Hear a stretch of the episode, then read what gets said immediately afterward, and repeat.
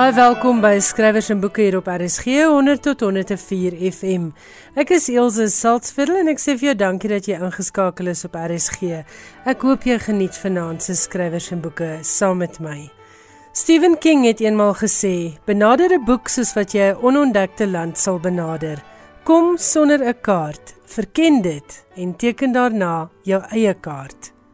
In Finanse Skrywers en Boeke kan jy luister na 'n onderhoud uit die argiewe met die digter en akademikus W.E.G. Lou en hy praat oor wat die lewe hom geleer het. Hierdie onderhoud is in 1957 opgeneem, die jaar wat hy die akademie verlaat het om kunsredakteur te word by Die Burger. Daar's ook meer oor 'n nuwe boek oor die Karoo uit die pen van Dion Meyer en Connie de Villiers en nog skryfwenke van Ina Strydom en Kobus Burger van ons drama afdeling.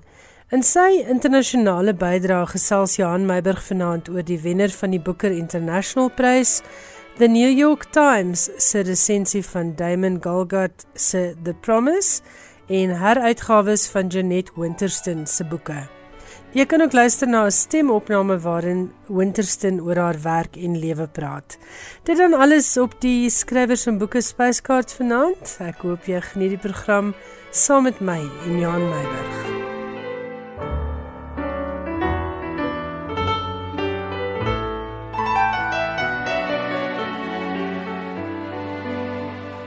Die digter William Ewart Gladstone Lou of WEG Lou is op 31 Mei 1913 op Sutherland in die Roggeveld gebore. Hy was die jongste van 4 seuns en 7 jaar jonger as sy oudste broer, die ewe bekende digter NP van Wyk Lou. Gladstone Lou het na matriek aan die Universiteit van Kaapstad 'n BA graad behaal en in 1935 'n meestersgraad oor die poësie van die Nederlandse digter J.H. Leopold. Gladstone het reeds gedurende sy skooljare begin dig eers in Engels en later in Afrikaans. Sy vroegste verse was in Engels en het in the South African College Magazine van Junie 1929 verskyn. Terwyl hy nog 'n student was, het Gladstone se eerste digbundel, Die ryke dwaas, in 1934 verskyn. Die gedigte in hierdie bundel is tussen sy 16de en sy 20ste jaar geskryf en is in 1934 met die Hertzogprys vir poësie bekroon. Hy het hierdie prys gedeel met Tertius en C. Louis Leipold en dit was 'n groot onderskeiding vir 'n onbekende 21-jarige digter. In 1944 is Gladstone benoem tot hoogleraar in die Afrikaanse taal en letterkunde aan die Rhodes Universiteitscollege in Graamsstad. Hy het in 1957 uit die pos bedank en na Kaapstad teruggekeer waar hy as kunsredakteur van die Burger begin werk het. W.G. Lou was getroud met Rosa Nepgen, 'n bekende komponis wat ook heelwat van sy gedigte getoons het. Ons gaan nou luister na 'n gesprek wat Karen de Tooy vir my in die argiewe opgespoor het. Dit is in 1957 gemaak en hierin praat W.G. Lou oor wat die lewe hom geleer het. Baie dankie Karen de Tooy en ek hoop die luisteraars daar by die huis geniet hierdie stukkie geskiedenis. Dit is zeker het teken dat de mens die middeljarige leeftijd bereikt of minstens begin wanneer je gevraagd wordt om te praten over een onderwerp, zoals die waarover ik vanmiddag moet praten. Nou ja, als een mens dan ook 45 jaar begin nader, is het zeker niet zo ver van die waarheid af nu. Die moeilijkheid is net dat de mens na je dertigste jaar bijna niet meer bewust is daarvan dat je langzaam, jaar na jaar, ouder wordt. De mensen kinderdagen, je schooldag en zelfs je universiteitsjaren. Die is zo volgepropt met nieuwe ervaringen elke dag, dat je werkelijk altijd weer bewust is van die verloop van tijd. Dit kan zelfs gebeuren dat de mens in één dag een jaar of meer tot je ouderdom bijvoegt. Zij die dichter Marchbanks en Bernard Shaw zijn nogal drange blijspel Candida niet aan het einde van die stuk wanneer sy ouer vriendin vir hom hoe oud hij nou eindelijk is niet met waarheid. This morning I was 18. Tonight I am as old as the world. Dit is hierdie bekendheid met die meeste dingen van die leven tussen een mens se dertigste jaar en jou dood, wat waarschijnlijk reeds die psalmes laat uitroep het. Ons bring ons jare deur soos 'n gedagte. Maar as 'n mens die feit aanvaar dat jy ouer word, dan is het zeker niet onvanpas pas om hier rondom die wendingsjaren tussen 40 en 50 voor jouw rekenschap te geven van wat die leven jou in die tijd geleerd heeft. En daar is bij om te leren. Dit beseffen mens ook maar eerst als jij zo'n beetje afstand kan nemen ten die verleden. Als u mij wil toelaat om soms zo'n beetje te mijmer, mijmer, ja, maar dan min of meer droefgeestig, want ik zelf staan en hier die tijd op die drempel van 'n baie belangrike verandering in my lewe, wanneer ek 'n beroep waarvoor ek baie lief was en waarin ek ook baie groot voldoening gekry het, gaan prys om 'n nuwe en nog min of meer onbekereld bekende wêreld binne te gaan, dan wil ek in die eerste plek dit sê. Ek kan my vandag nouliks meer voorstel hoe 'n onuitstaanbaar verwaande en selfversekerde jong mens ek 25 jaar gelede dikwels vir ander mense moes gewees het. Verwaand omdat ek die mensdom ingedeel het in my soort mense, dit wil sê die wat min of meer dieselfde soort voorregte as ek geniet het, gelukkige huislike agtergrond, goeie skole en 'n redelik goeie bestaan met heelwat van die genietinge van die lewe wat vir al 'n kind byna as vanselfsprekend aanneem. Dieselfde soort belange in die letterkunde, die kuns, die musiek. En die ander mense, arme drommels, wat of nie die voorregte wat ek my so eie geregtig toegeëien het, geken het nie, of wat om die een of ander rede nie my belange gedeel het. En selfversekerd, omdat ek oortuig was daarvan, ek en my soort mense die enigste op aarde was wat die moeite werd is. Die prinse van die lewe vir wie alles op skinkborde aangedra moet word en wat hulle as 'n besonder regte van die lewe kon opeis. Die eerste groot les en ek voel dit vandag dat dit 'n werklike groot en baie belangrike les was wat die lewe my geleer het is dat ek hopeloos verkeerd was. Ek het veral sedert my 30ste jaar en in die besondere omgewing waarin ek te staan gekom het, geleer om met 'n baie groot verskeidenheid mense om te gaan. Rykes en armes, slimmers en dommers. Oprechte, welgeschapen mensen met wie ik kon samenwerken en achterste voortrekkers. Ik heb waardering geleerd voor die allereenvoudigste mensen. Mensen wat kwalijk wil stem op een kerkraadsvergadering kan het woord en voor wie die schrijf van een brief nog een belangrijke gebeurtenis is, waarvoor pen en papier plechtig uitgehaald en die kinders uitgejaagd worden. Ek het ook geleer dat die slimmes en die bevoorregtes, die selfversekerdes, dikwels baie minder liefde en baie minder betroubaarheid besit as die stilles in die land. Mag ek die les opsom en sê dat ek nou eers die volle waarheid begin besef van daardie pragtige Bybelwoord. In die huis van my Vader het baie wonings. Die tweede les wat die lewe my geleer het, en ik hoop dat ik het al werkelijk geleerd heb, is dat zaken altijd belangrijker is als personen. Dit klinkt een beetje abstract en daarom misschien moeilijk om te verstaan. Laat mij dit dus eenvoudiger stellen. Als een mens een zaak aangepakt stelde wat, de organisatie van een uitstapje van een plaatselijke vereniging of club, die deurdruk van een voorstel op een bestuursvergadering, of zelfs veel belangrijker dingen. Soos ek in my eie lewe voor te staan gekom het die bou van 'n skool waarteen daar sterk en invloedryke verzet was dan moet jy eers sorg dat die saak reg is deur dit self veel kritischer te bekyk en te beoordeel as jou ergste vyand as jy dan as gevolg van die ondersoek tot die gevolgtrekking kom dat dit 'n swak saak is, moet jy dit onmiddellik los. Selfs al beteken dit vir jou een verlies van aanzien of prestige. Maar als jij, na naastige en zelfs genadeloze kritiek, tot uw overtuiging gekomen dan moet je bang wees om anderen ook in die proces te raadplegen, zelfs je tegenstanders. Ik zei, als je dan tot uw overtuiging gekomen dat die zaak recht is, moet jij jou met jouw hele hart, met jouw hele verstand en met jou hele siel ingooi vir die verwesenliking daarvan. Nou is dit in die lewe so gestel dat daar aan elke saak twee kante is. En dat daar mense sal wees wat bereid is om hulle miskien met dieselfde ywer as jy in te gooi vir die ander kant. Dit is selfs in die lewe so gestel dat daar in verband met enige aangeleentheid mense is wat hul eie persoonlike en dikwijls zelfzuchtige eigenbelang wil bevorderen en met wie jij dan als geduchte tegenstanders te doen zal hebben. Moet in zo'n geval niet dadelijk een oordeel oorle uitspreken. Wees bereid om hulle kant ook te onderzoeken. Bovenal onderzoek desnoods voor die honderdste keer jouw eigen.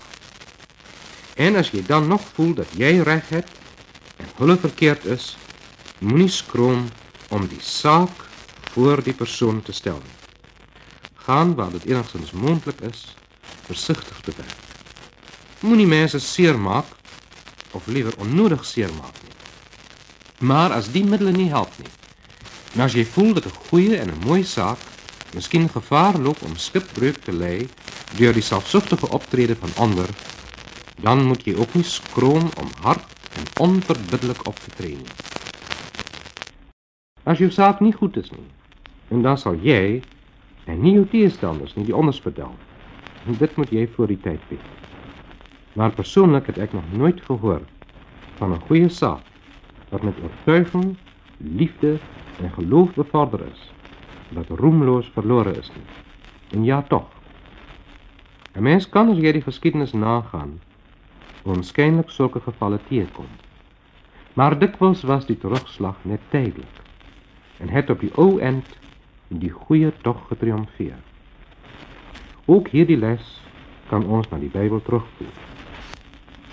Toen Jezus Christus die dag op Golgotha die laatste asem uitgeblazen, omringd door die spot van die soldaten en die ongelovigers, vernederd door die feit dat hij tussen twee gewone misdadigers moest sterven, en Pilatus in zijn paleis, en Caiaphas in die tempel zeker gedinkt. En dat willen we nu voor de laatste keer van die oproepmaker, oproermaker horen. En vandaag, wie het gewend? Ik het zo even, en toen ik die eerste les genoemd heb, en zei dat een mens moet leren om met bij mensen om te gaan. En dat betekent echter niet dat de mens een manteldraaier of een weerhaan moet wezen. De mens moet bereid wezen om met bij mensen om te gaan en van elkeen te leer wat daar te leer is. Maar en dit is die derde les wat die lewe my geleer het. 'n Mens moet ook leer om as dit nodig is vir jou koppig aan jou eie sedes te hou. Laat ek 'n tipiese voorbeeld noem. Met die trek van die Afrikaners van die platteland na die stad toe, het die invloed van die nog sterk vreemde stedelike beskawing baie sterker geword as wat ons vaders of als opa's ooit aan het punt Die verzoeking om op een zondagmorgen lekker laat te slapen en de kerk te verzuimen, is voor Afrikaners zoon of dochter niet kleiner als voor anderen. Ik weet, want ik heb het zelf vroeger, zeiden tot op mijn skandige zijn, dikwijls gedoen. Een mens redeneert zo makkelijk. En daar is maar één rustdag in die hele week. Een mens kan God net zowel in die stilte van uw eigen kamer aanbidden als in die kerk. Of nog verleidliker. Net so mooi in die natuur aanbid as in die warme en betompige kerkgebou met die stuurgesig ouderlinge en die saai preek van die dominee. En tog, as 'n mens as kind kennis gemaak het met die ek durf nie sê gewoonte nie, want wie dit uit gewoonte of vorm doen, fouteer. Met die behoefte om die huis van die Here te besoek volgens sy gebod, dan voel jy elke keer dat jy die versuim dat jy dit versuim het as 'n verwyt, as 'n verraad.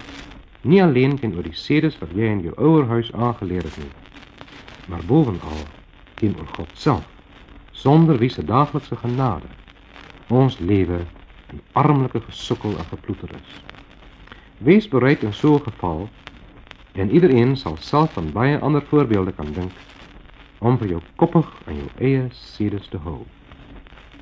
Ik heb nog nooit gehoord dat iemand zwak gedenkt van een ander, wat bereid was om terwille van zijn beginsel anders te wezen, af te wijken. Althans niet als die iemand die moeite waard is niet. Als dit nu een werkelijke preek was, en die onderwerp leen hem eindelijk zo heerlijk tot de preek niet dan zou ik nu met die derde punt moest afgesluiten. Alle goede preken bestaan immers altijd uit drie punten. Maar daar is zo bij lessen waar die leven een mens kan leren. Dat ek dan maar van die preekpatroon moet afwyk en minstens nog een meer byvoeg. Die vierde les en ek was blykbaar so dom dat ek nog minstens 40 sou kan noem as ek die tyd gehad het. En wat die lewe my geleer het is: doen die werk wat jou hande vind om te doen. In ons tyd van spesialisasie is daar 'n sterk neiging om te meen dat elke mens net een ding kan doen die keel, neus en oorspecialis snij bij wijze van spreken net mangels en adenoïdes uit. Die internist weer net de mensen binnenwerk inzet.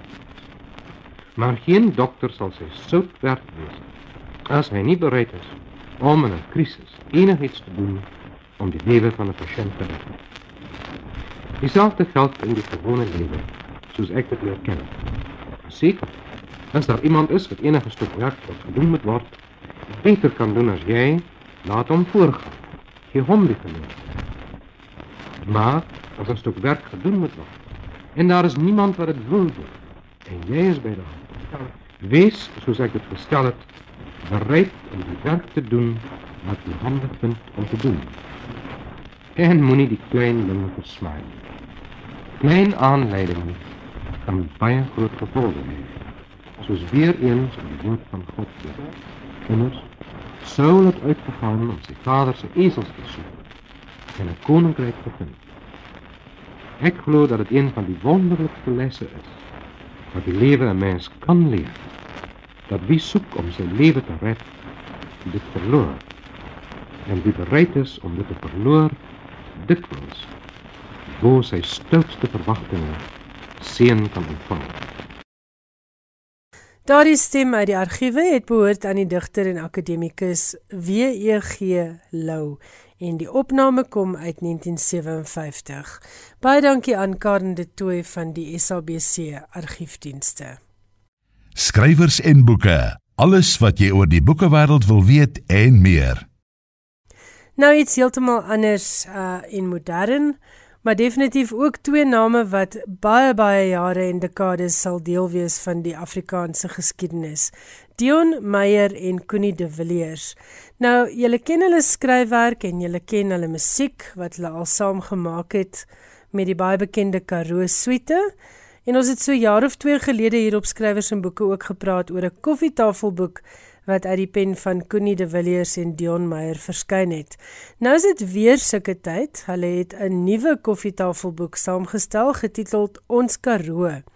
En kunstefeesgangers wat bekend is met hulle gewilde verhoogproduksie Karoo Suite sal weet dat dit 'n produksie is wat teatergangers op hulle voete gehad het.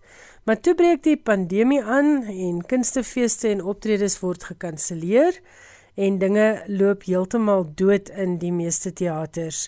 Koenie en Dion het egter besluit hulle gaan voort om nog 'n tweede koffietafelboek gebaseer op hulle baie gewilde Karoo suite uit te gee. En hulle het dit weer saam met die Atterbury Trust gedoen.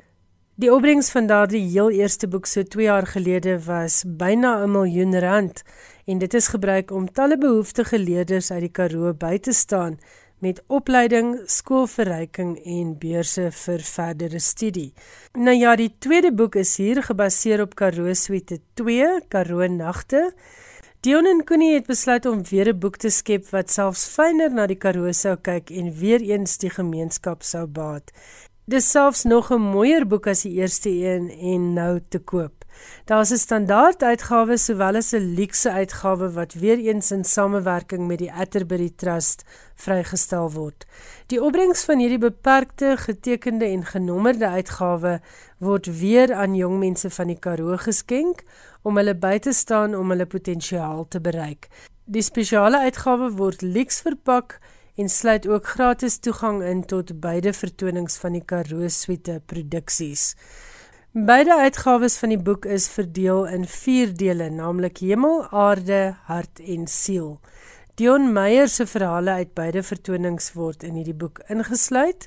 Daar's wêreldklas fotografie deur Sarel van Staden en Marina Cotton, National Geographic fotograwe, so jy kan jou nou net indink hoe mooi is die fotos. Daar's 'n pragt hoofstuk deur sterrekundige professor Mati Hofman, onder meer bekend vir die program Sterre en Planete en daar's addisionele gedigte deur professor Susan Smith. Professor Jan Kirsten en professor Bruce Rubich, gevierde paleontoloog, gee ook insette oor die oorgeskiedenis, die potensiaal en die ekostelsel van die Karoo. En dan sommer vir die lekker deel elkeen van die deelnemers hulle gunsteling Karoo resep met 'n bonusbydra deur die gesogte kok wat spog met 'n Michelinster, Jan Hendrik van der Westhuizen. Dit alles in die splinternuwe boek Ons Karoo. Dit is 'n koffietafelboek uit die pen van Dion Meyer en Connie de Villiers. Jy kan meer uitvind oor hierdie boek op www.karoosuite.co.za of jy kan 'n e-pos stuur na info@karoosuite.co.za.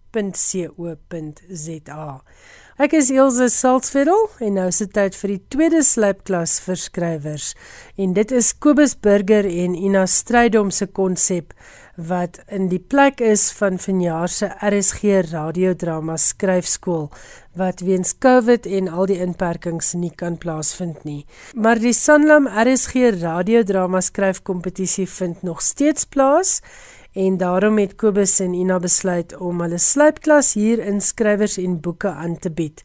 Spesiaal vir almal wat wil inskryf vir vanjaar se Sanlam RSG radiodrama skryfkompetisie.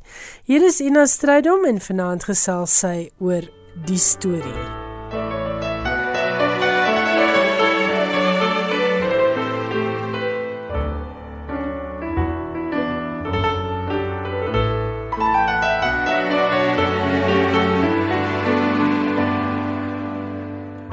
Verlede keer het ons gefokus op die vraag: Waarom skryf jy?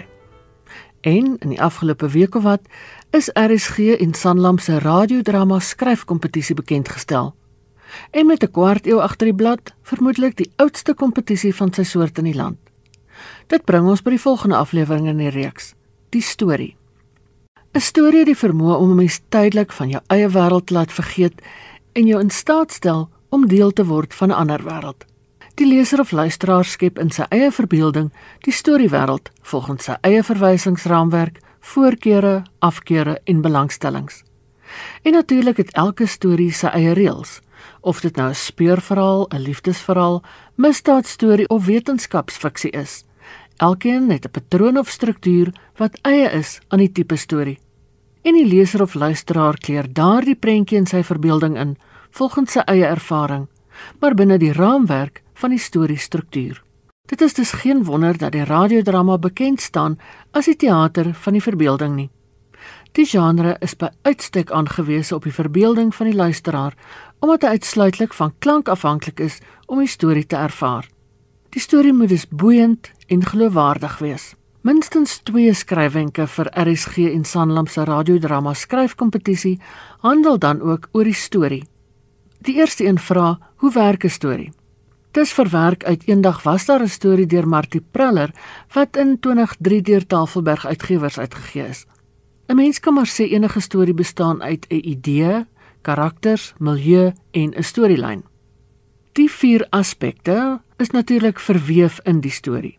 Die een beïnvloed die ander. Dis afsonderlike bestanddele wat vermeng word en jy as die skrywer is die onsigbare medium waardeur hulle een word. Dit begin by die idee. Lei tot die karakters wat weer lei tot die storielyn. Maar die resep kan wissel. Soms begin 'n storie by 'n karakter, dan loop dit uit op 'n idee en 'n storielyn, of by 'n storielyn wat uitloop op 'n idee en dan karakters. Nou kan 'n mens vra, wat is 'n idee?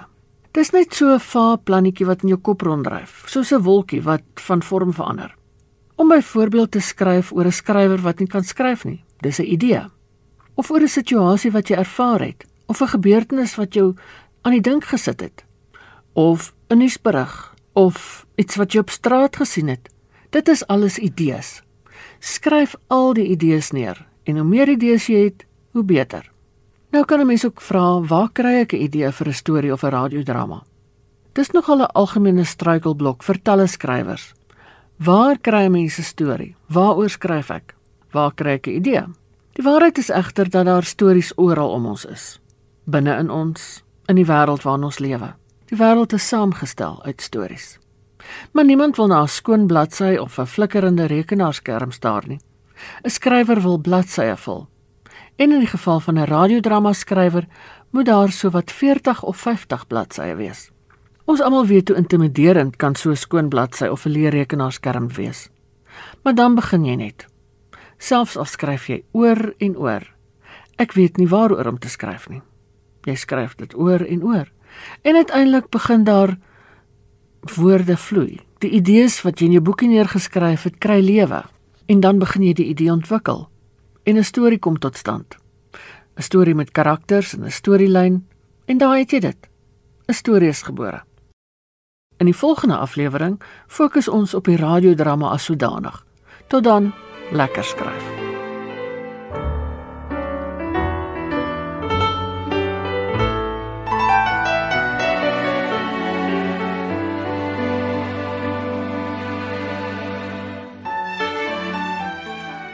Dit was Ina Strydom wat in van dese week se slypklas vir voornemende skrywers gesels het oor die storie. Onthou om volgende Woensdag aand weer saam te luister vir nog skryfwenke. En as jy meer wil uitvind oor Sanlam RSG se radiodrama skryfkompetisie, gaan maak gerus 'n draai op RSG se webwerf en kyk ook daar vir die handleiding wat jy kan aflaai oor die Sanlam RSG radiodrama skryfkompetisie.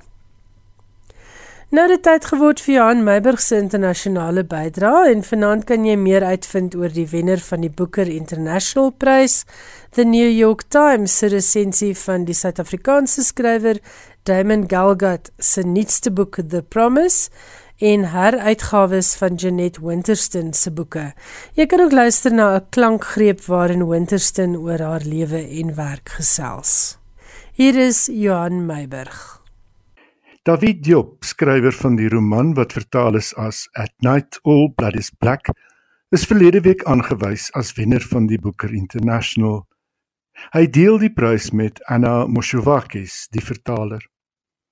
Die Booker International is die prys waarmee vertalings van boeke wat oorspronklik nie in Engels verskyn het nie, groter blootstelling gebied word in vertaalde vorm.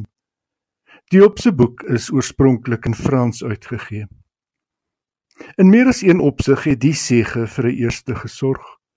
Dis die eerste keer dat 'n boek uit Frans vertaal die prys verower en dit is daarbey ook die eerste keer dat 'n skrywer met 'n Afrika koneksie die prys wen. Diop is Senegalees Frans en die boek gaan oor ene Alpha Ndiaye, 'n Senegalese soldaat wat vir Frankryk geveg het in die Eerste Wêreldoorlog en wat die kluts kwytraak na die dood van 'n vriend uit sy kinderdae aan die gevegsfront. Van die ongeveer 135 000 Senegalese soldate wat in Europa gaan veg het, het 30 000 gesneuwel. Diop se grootoupa was een van die soldate wat die oorlog oorleef het, maar nooit oor die oorlog gepraat het nie. Dit is dalk die rede waarom ek so belangstelling in die oorlog het het Diop in 'n onderhoud met BBC gesê omdat hy nie met my ouma of my ma ooit daaroor gepraat het nie. Lucy Hughes Hallett, sameroeper van die beoordelaarspaneel, het die boek as hipnotiserend beskryf. Jou emosies gaan op hol in die uitsonderlike, kragtige en onderhoudende verhaal. Dis die verhaal van oorlog, kameraderie en doodsvrees. Maar daarbey is dit ook die verhaal oor taal. In die eerste plek sit jy met 'n hoofkarakter wat nie veel Frans kan praat nie. Sy taal is Wolof, 'n taal wat in Senegal gepraat word. Jy lees dus in Engels 'n verhaal in Frans geskryf oor 'n karakter wat in Wolof dink. Waarin die opslag sê Hughes Hallett is om 'n soort inkantasietaal te skep waarmee hy jou insaag gee hoe dit as dit ware is om buite jou eie taal te dink. Diop is in 1966 in Parys gebore en het sy kinderdae in Senegal, die land in Wes-Afrika waar sy pa vandaan kom, deurgebring. Hy het in Frankryk gaan studeer en woon deesdae in Pau in die suidweste van die land. At Night All Blood is Black het uit die 125 boeke wat vanjaar ingeskryf is vir die Booker International die pyp gerok.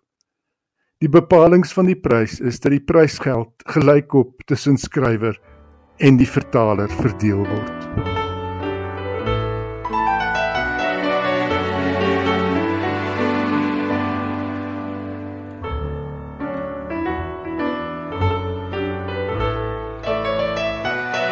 Die Suid-Afrikaanse skrywer Damon Galgut was 17 toe sy eerste roman, A Sinless Season, in 1982 verskyn het. Daarna het 'n bundel kortverhale verskyn en in 1991 The Beautiful Screaming of Pigs, die roman waarmee hy die destydse CNA-prys verower het. The Quarry van 1995 is vervilm en by twee geleenthede was Galgut op die kortlys vir die Booker-prys in 2003 vir The Good Doctor en in 2010 vir In a Strange Room. Sy jongste roman, The Promise, het pas verskyn en in 'n resensie van die boek onderstreep The New York Times die vergelyking wat al vroeër gemaak is tussen Damon Galgut en J.M. Coetzee. Albei skrywers takel in hul werk onderwerpe wat dreiging inhou en in The Promise kom Galgut vorendag met 'n Coetzee-agtige blik op die menslike dilemma, een wat geskoei is op lyding, sê die koerant. The Promise gaan oor die gesin swart, afstammelinge van die voortrekkers wat verbete aan hul grond klou te midde van sosiale en politieke verandering in die land. Die boek is ingebed in die Suid-Afrikaanse geskiedenis. Dit begin in 1986, sluit in die teleurstelling van Jacob Zuma se presidentskap en strek tot in die hede. Die gesin het drie kinders: Anton, 'n dienspligontduiker wat skryf, Astrid, 'n narcistiese huisvrou en Amar, 'n introspektiewe alleenloper wat verpleegster word. Damon Galgut se nuwe boek, The Promise, word uitgegee deur Penguin Random House.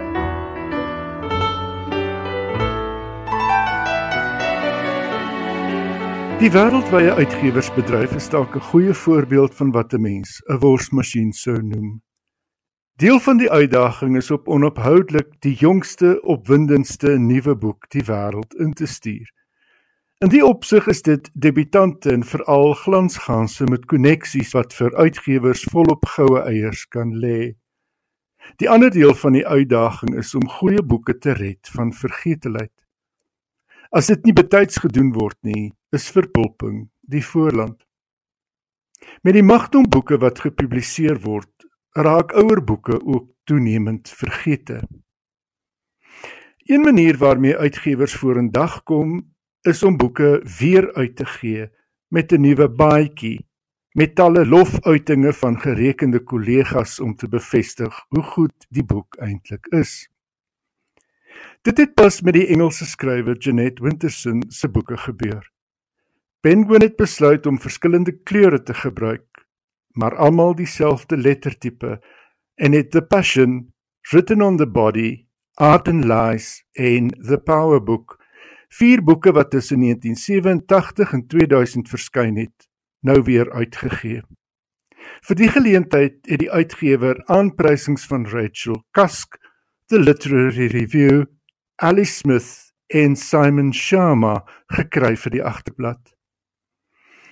Winterson het met 'n enkele tweet en 'n foto van die boeke op 'n brandstapeltjie gereageer. Ek haat die knusse klein voorstedelike bemarkings foefies op die omslaa, het sy getweet. Goed soos You can be the hero of your own life. You can have freedom for just one night, but there's a price to pay.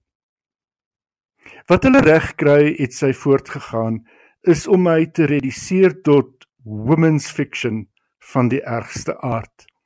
Daar is niks uitdagend of progressief daaraan nie. Toe steek ek die lot aan die brand. Nietemin kan 'n mens kwaliek anders as om in die rokkie ook iets van 'n bemarkingsvuurtjie op te merk. Meer as Penguin kon verwag met die nuwe aanbod het die skrywer Vuur en Vlam die aandag gefestig op haar status as spierkragtige skrywer van die 1990s en 2000s vir 'n geslag wat dalk nie met haar boeke groot geword het nie. Wat jammer sal wees is as die voorval al die aandag trek en nie Winterson se wonderlike baanbrekende boeke nie. In 1985 het sy gedebuteer met Oranges are not the only fruit, 'n boek wat omdat die verteller ene Jeanette is, verwar is met outobiografie. Wat opval van die vroeë boek is die manier waarop Winterson omgaan met die oorgang na volwassenheid, komplekse gesinsverhoudings, verhoudings tussen mense van dieselfde geslag, geïnstitusionaliseerde godsdiens en geloof. Vir die boek het sy destyds die Whitbread Debuutprys ontvang. In 2019 was sy op die langlys vir die Booker met haar jongste boek, Frankenstein: A Love Story. Hier is Jeanette Winterson aan die woord oor 'n hele paar onderwerpe waaroor sy vurig voel, van vleis eet tot lees. I was vegetarian for about 10 years when I I couldn't get hold of a good quality meat that had been farmed to high standards and killed properly. I don't have a problem with eating animals. I have a big problem with the way that we look after animals and animal welfare. Um, at home where I live, I have some sheep. Uh, we look at they, they have great lives, but I eat them. I have some chickens. They have great lives, but the time comes, and also I eat their eggs. But so I don't eat much meat. Maybe I eat meat once, always once a week, sometimes twice a week, but not more. So again, it's a question of how much meat do we need to eat? You know, we all know capitalism depends on consuming and consuming starts with food. You know, that's why everybody's so fat. They just eat too much. You know, we could eat a little bit less. We could consume a little bit less. And so, you know, when I talk about food as political, yes, it's about how, how did this get to my plate? But it's also why is my fridge just full of food that I'm going to throw away? I buy it on a Monday and I throw it away on a Friday. You know, we know that about a third of food in the West is thrown away. Things like that we have to stop. You know, we have to, it's a, it is about being conscious. It's about, and if in schools, for instance, every child was educated about food, about how it happens, uh, what it costs the earth, what it costs the people. If children knew straight away, then they could make decisions. You know, they don't have to wait till they're 16 or 18 to learn about how the world actually works. We should teach it in schools. And the reason we don't is because people say, oh no, that's politics. But everything is politics. But you know, people say, oh, I'm not political. I think you are. You have just said you're not going to do anything about the world. That is a political choice. Um, so, of course, it's political. The thing with reading is that at, at present, there is no CCTV inside anybody's head. So, when you read a book, I read a book, it is absolutely private. Um, we're in a dialogue, a conversation. Things are happening, things are changing. It looks like, you know, what are we doing? We're just sitting there reading a book, but it is exploding in your head and they can't control that. I love that. Um, of course, it will change, but when we read a book, it is extending and expanding who we are and what we know. It's not simply knowledge as in information. It's not, oh, I read a book about the Roman Empire. Now I know everything about the Roman Empire. That's information. The thing with fiction, with poetry, with philosophy, with political essays is it's more than information. It's giving us a way of thinking about the world. Um, it's making our brain sharper, smarter. You know, it's not just data. Um, which is also important as everything in the world is being reduced to or turned into data. You know, data is the new gold, it's the new oil. Everything that can be known about us is being known by the big companies and we should try perhaps not to let that happen. You know, some days I just leave my phone at home just to annoy them so they can't find me. Um, as you know, Mark Zuckerberg is, is, is launching a new cryptocurrency. Um, called Liba, which is meant to be free, but nothing about Facebook or Mark Zuckerberg is free. Um, this will be a cryptocurrency backed by actual money. So it can't collapse like Bitcoin. It's not going to go like this. It's not dependent um, on an internal value. It will have an external value. Which, so it will be the first stable cryptocurrency. China wants to adopt this currency because China would like to have no more cash transactions. Because once you have a cryptocurrency, you can control everything. And you think how quickly machines process data. A machine could process every crypto transaction happening in Barcelona today. Now, most of it, who cares? I give, you know, give you 10 euros, you give me 10 euros, who cares? But if I do that with a coin or a note, nobody knows. If, if I do it from my phone, if they want to know, they can know. So this is also about data. It means that all of our lives will be watched. It's Big Brother, you know, and that's where, where we're heading. And people do want privacy, I think, not because they're criminals or because they're sleeping with their neighbor's wife, or people want privacy because we just like to be anonymous sometimes. We like to walk down the street, do what we want to do without anybody knowing about it.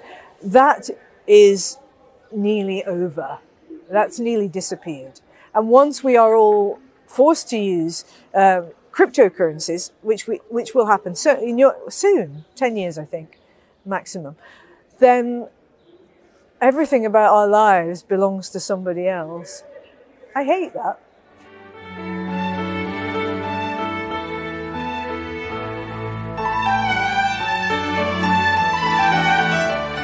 Dit was Johan Meiburg se internasionale bydrae wat daar afgesluit is met 'n klankgreep waarin jy die skrywer Jeanette Winterston kon hoor gesels.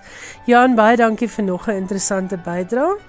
daarmee die tyd ons ongelukkig ingehaal, maar volgende Woensdag gaan om 8:00 is ek en Johan Meiburg weer terug met nog 'n uitsending van skrywers en boeke. Tot dan, bly warm, pas jouself en jou mense mooi op teen COVID. Dit is regtig nie 'n lekker siekte om te hê nie. Ek hoop jy het wonderlike leesmateriaal en tot ons weer saamkuier. Totsiens.